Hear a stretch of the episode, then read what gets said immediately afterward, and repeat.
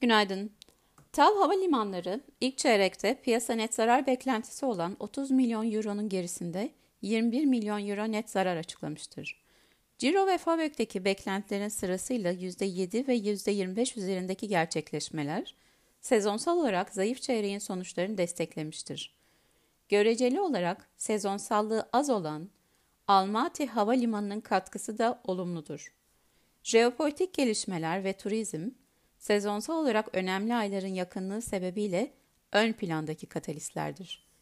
Makro revizyonlar, artan borçluluk, yatırımlar, normalleşmenin hem gelir hem gider tarafına etkilerini de göz önüne aldığımızda 2022 FAVÖK tahminimizi %17 yukarı revizyonla 4.4 milyar TL'ye çekerken net kar tahminimizi %41 azaltarak 416 milyon TL'ye indirdik.